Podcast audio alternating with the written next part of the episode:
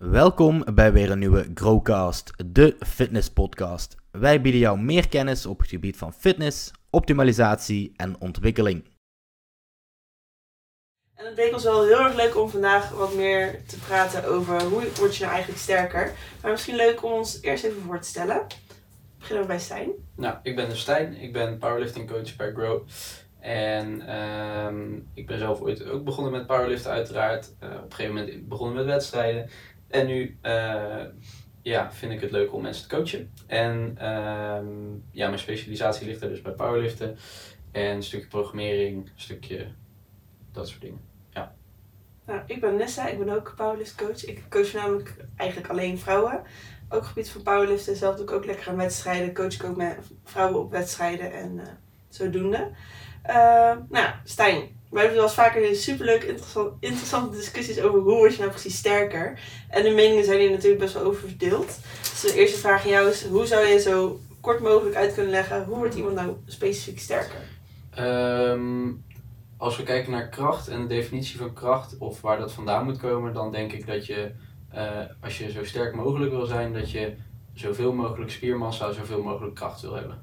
Of met zoveel mogelijk spiermassa, zoveel mogelijk kracht moet kunnen zetten. Ja, het is eigenlijk zo efficiënt mogelijk je spiermassa gebruiken om Kijk, te Als een auto heel erg een hele dikke motor erin heeft liggen en een hele krachtige motor heeft, maar vervolgens niet de, eh, de banden met een juist profiel heeft om daadwerkelijk kracht op de, eh, op de baan te zetten en daadwerkelijk grip te krijgen, dan heeft die motor eigenlijk helemaal geen zin, want dan kun je dus geen kracht zetten.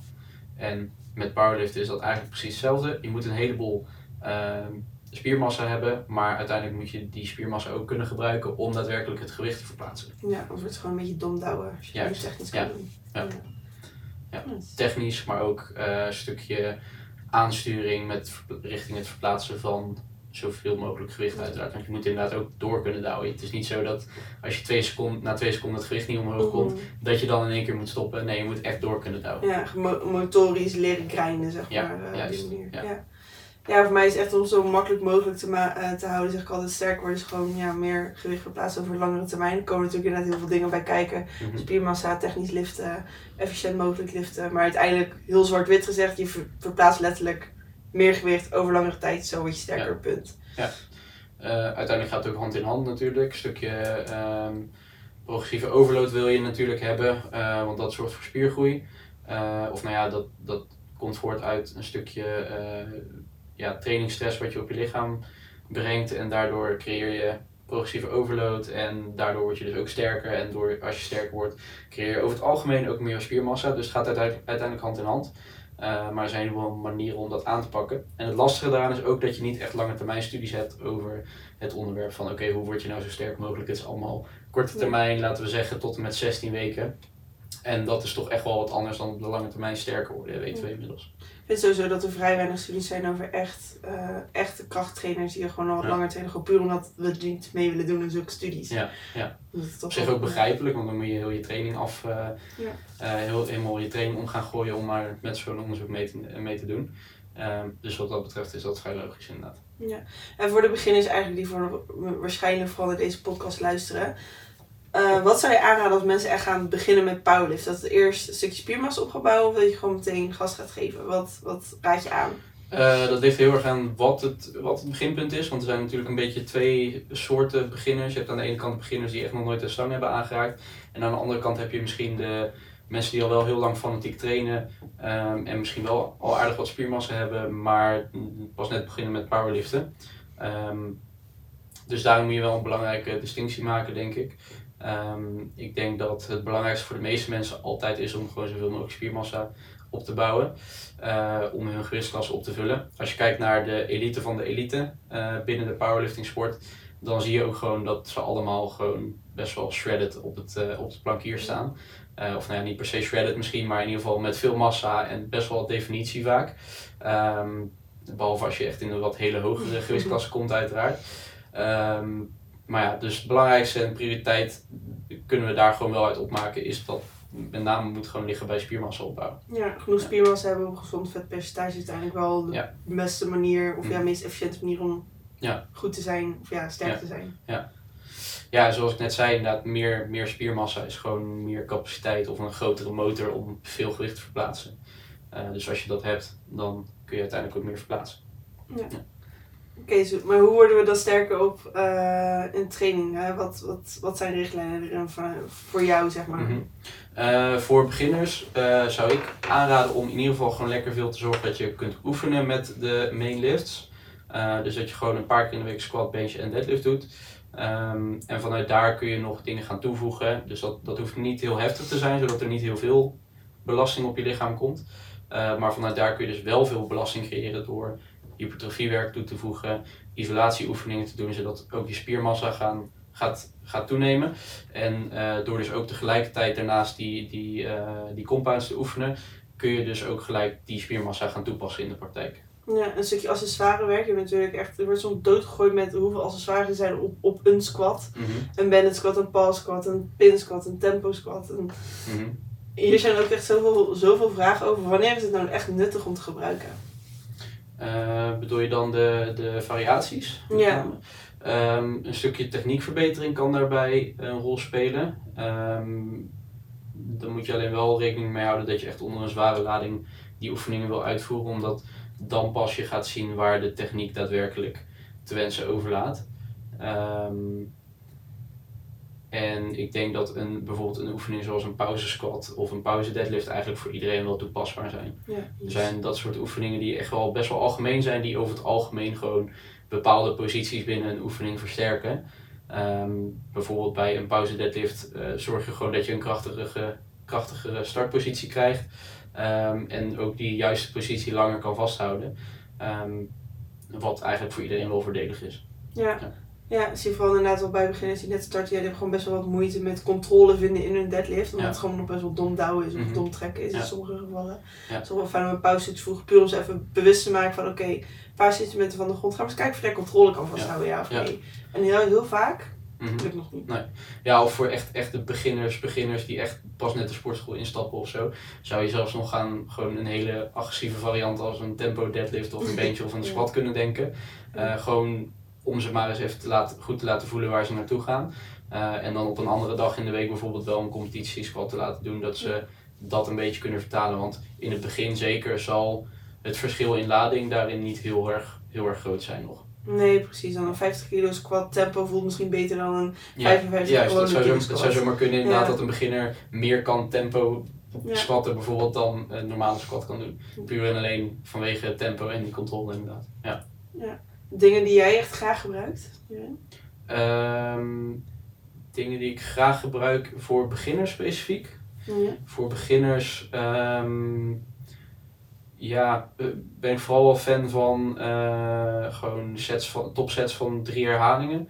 Eh, en dat dan afwisselen. Ja, eigenlijk, beginners hoeven niet per se zware singles te doen of zo, omdat ze gewoon nog bezig zijn met het ontwikkelen van die techniek.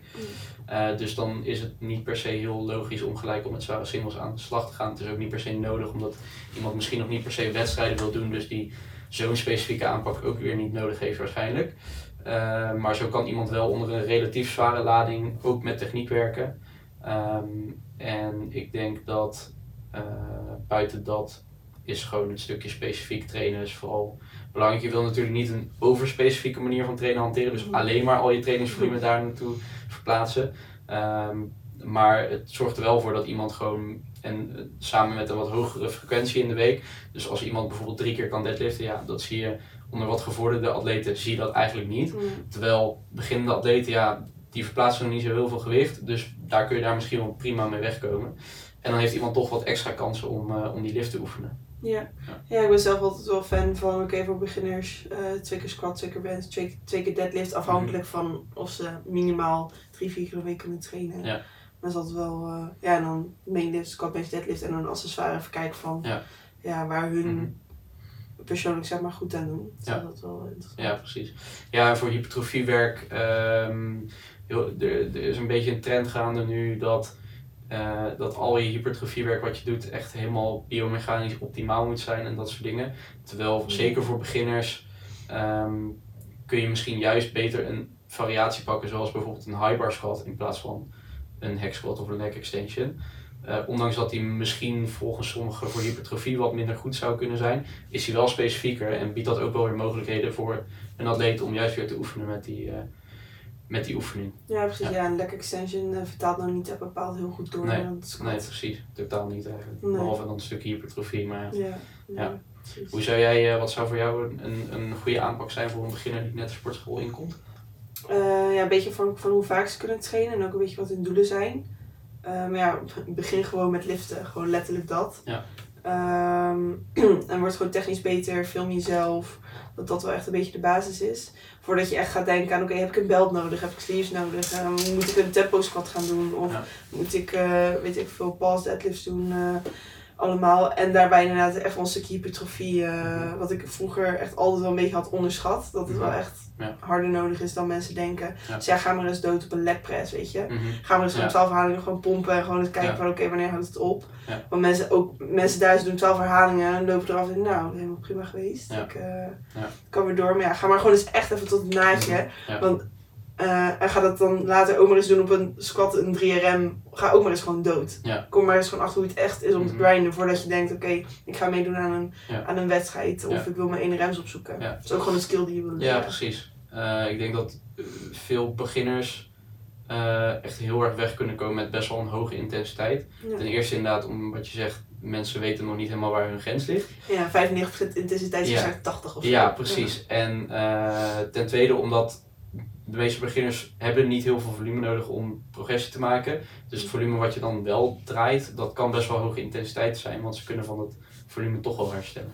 Zeker in het begin, omdat je dan dus nog niet zo heel veel stress nodig hebt op je lichaam. Ja. Ja. Ja. en ik denk vooral dat eh, beginners echt wel geduld mogen hebben in het bouwen. Het, het kost echt jaren om bij een top te komen of om echt te bouwen. Dus als je nu al frustreert over een eh 80 kilo squat die niet omhoog komt en je Ja. probeert hem elke week opnieuw en opnieuw en opnieuw, ja, Ja. neem gewoon eens drie stappen terug. Ja, precies. Gewoon een En- stapje terug is sowieso wel goed inderdaad, omdat je dan gewoon ook leert van oké, het gaat niet iedere week omhoog gaan. Soms moet je even een stapje terug doen en dan weer gas bijgeven. Ja, en dan kom je erachter dat je techniek weer wat eh, verbetering nodig heeft. En dan pas je weer wat dingen toe. En dan ben je weer drie maanden verder voordat je weer eh, pas sterker aan het worden bent.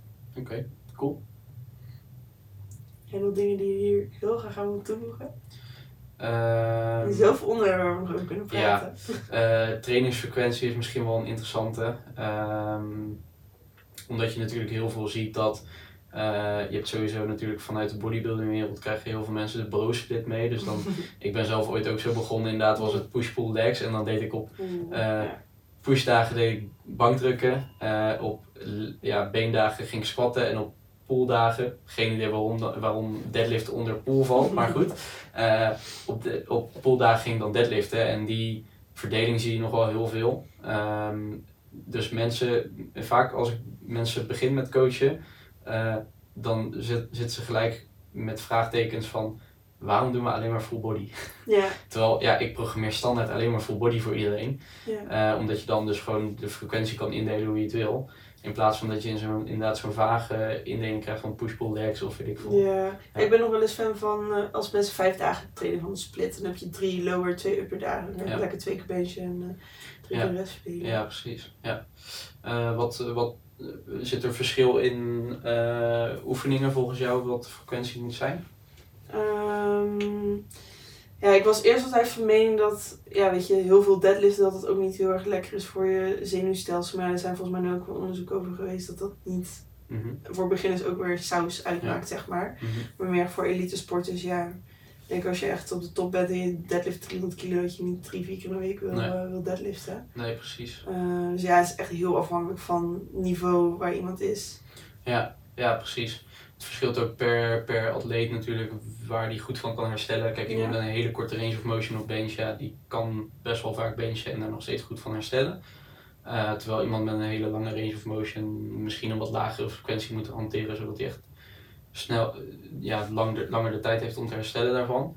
Eh, en inderdaad wat je zegt, ja, als je in het begin til je nog niet zo heel veel gewicht, dus dan zal de belasting op je, op je pees en gewrichten zal een stuk lager zijn. Terwijl hoe sterker je wordt, hoe hoger die belasting wordt. En hoe lager dan ook de frequentie vaak zal, zal moeten zijn inderdaad. Ja, precies. Ja, en dat is natuurlijk ook nog afhankelijk van de, de hele context per persoon. Kijk, sommige mensen werken ze zes, zeven dagen in de week. Nou, dat is misschien overdreven, maar die Mhm. werken gewoon vijf dagen in de week. Ja. Fysiek heel zwaar. Ja, die zullen minder goed herstel hebben dan iemand met Mhm. een kantoorbaan die wel gewoon misschien de- 10.000 stappen op een dag Ja. zet. Ja, precies. Dus dat zijn ook wel dingen die heel veel mensen vergeten bij een stukje programmering. Van oké, Mhm. hier eh, heb je een programma. Maar ja, je kan niet een programma aan, een, aan iemand die drie dagen in de week werkt ook meegeven aan iemand die vijf Ja. dagen in de week werkt, zwaar fysiek Ja. werk doet. Ja, ik denk ook dat heel veel mensen zich verkijken van, die zijn continu online aan het zoeken van, oké, wat is optimaal om dit te doen? Wat is Ja. optimaal om dat te bereiken?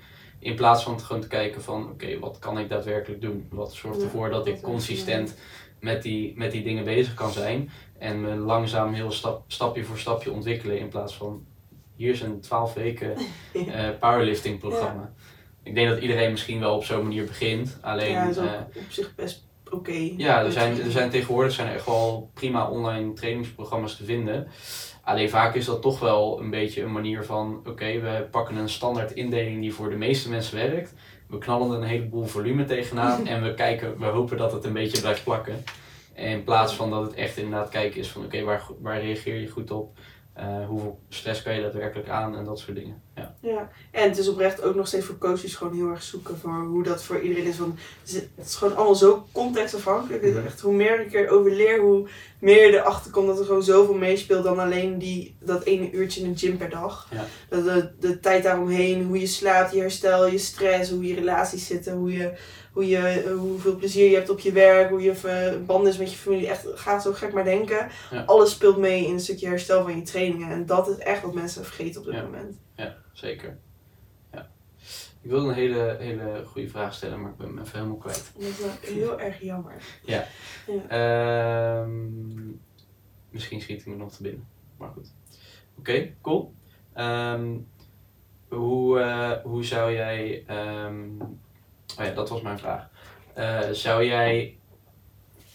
Hoe snel kan iemand progressie maken volgens jou? Of hoe snel zou iemand progressie moeten maken volgens jou? Oeh.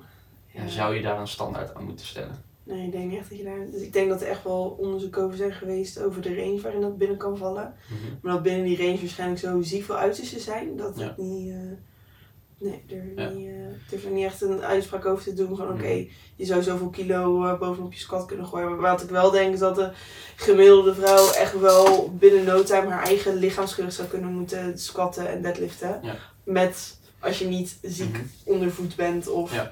eh, andere gekke lichamelijke dingen hebt natuurlijk. Maar Ja. dat dat wel een beetje best redelijke richtlijnen kunnen Ja. Eh, ik weet niet precies wie het was, maar iemand heeft daar ooit een eh, artikel over geschreven wat ik heb gelezen. Eh, wat ging over Olympisch gewichtheffers. En daarin was het concept dus van oké, in het begin als beginner heb je een hele brede range aan dingen die voor jou werken. Ja. En soms dan heb je in één keer datgene te pakken wat heel goed werkt. En dan kun je dat blijven doen. En die mensen schieten in één keer heel erg hard vooruit.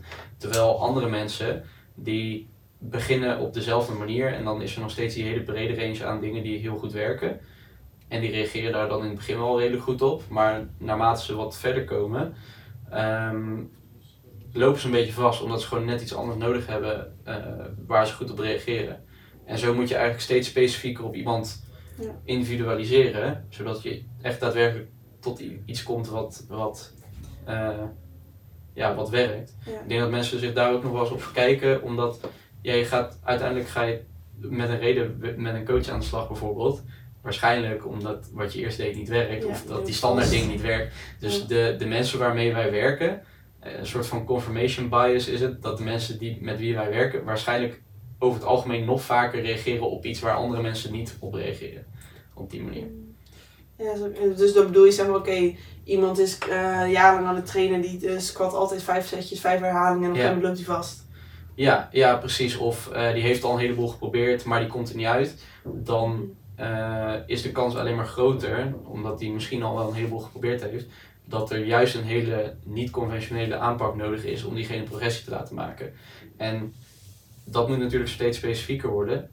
Ehm, ja, zeker naarmate je progressie boekt. En daarin kan de mate waarin iemand progressie boekt ook heel erg een vertekend beeld geven, denk ik. Heb je een voorbeeld van toevallig?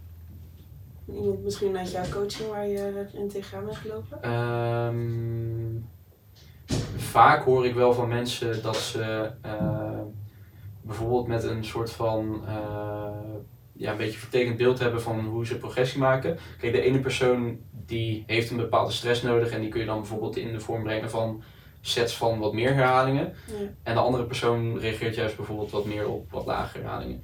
En je ziet best wel vaak dat iemand die dan altijd getraind heeft, heeft met, met sets van die alleen maar drie sets van acht herhalingen op bankdrukken doet bijvoorbeeld.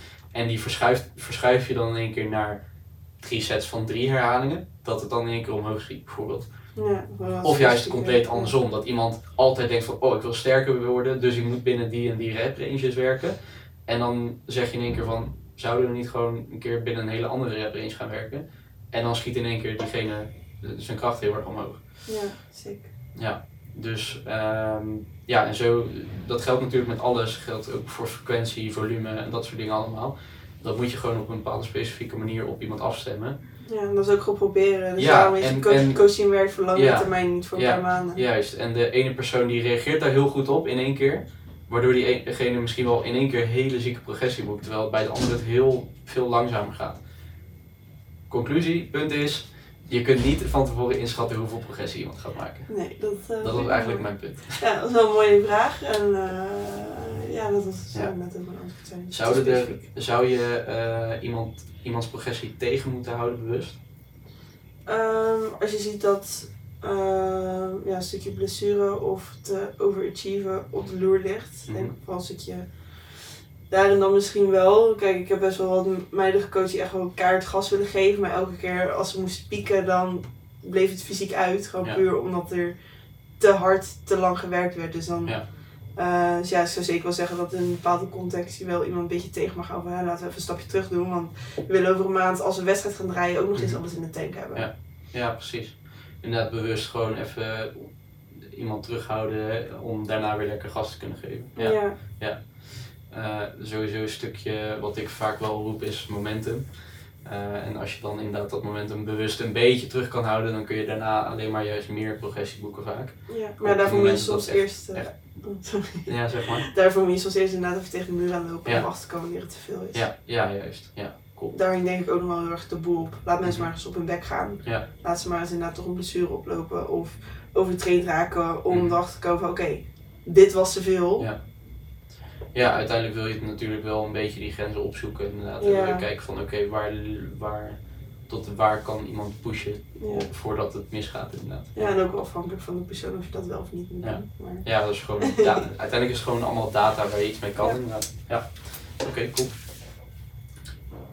zullen we hem af gaan sluiten? Zullen we hem af gaan sluiten? Ja.